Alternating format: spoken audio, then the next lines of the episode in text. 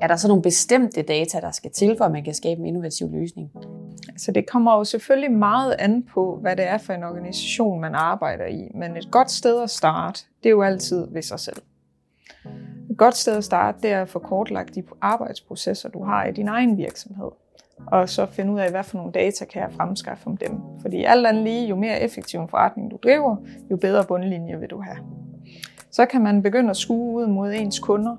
Kan vi opsamle noget data på vores kunder? Hvis vi driver en webshop, så vil vores kunder typisk logge ind, og så kan vi måle på, at den her type kunde leder efter den her type produkter. Så kan vi begynde at måske målrette noget markedsføring eller noget andet mod dem. Hvis vi ikke har en webshop, men vi har en bank, som vi har, så har vi jo igen et kartotek over vores kunder, og vi kan se, hvad det er for nogle behov, vores kunder har.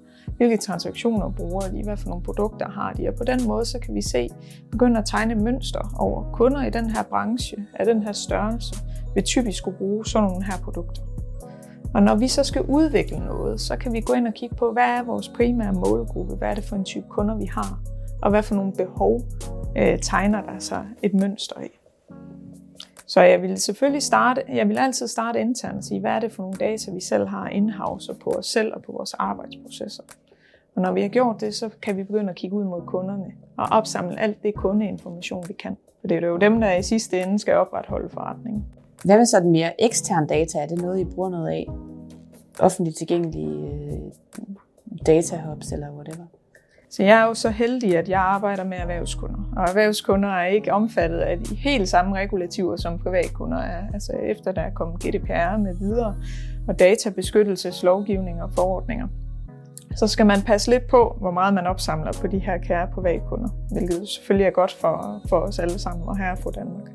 Når man arbejder med erhvervskunder og virksomheder, så er der rigtig mange offentlige data tilgængelige, fordi lige så snart du er en vis størrelse, så skal du offentliggøre dine regnskaber. Så vi bruger jo rigtig meget Experian og CVR.dk, hvor vi kan indhente oplysninger på alle virksomheder i Danmark, og vi også kan hente deres regnskaber.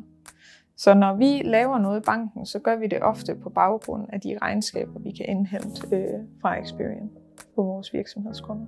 Mm.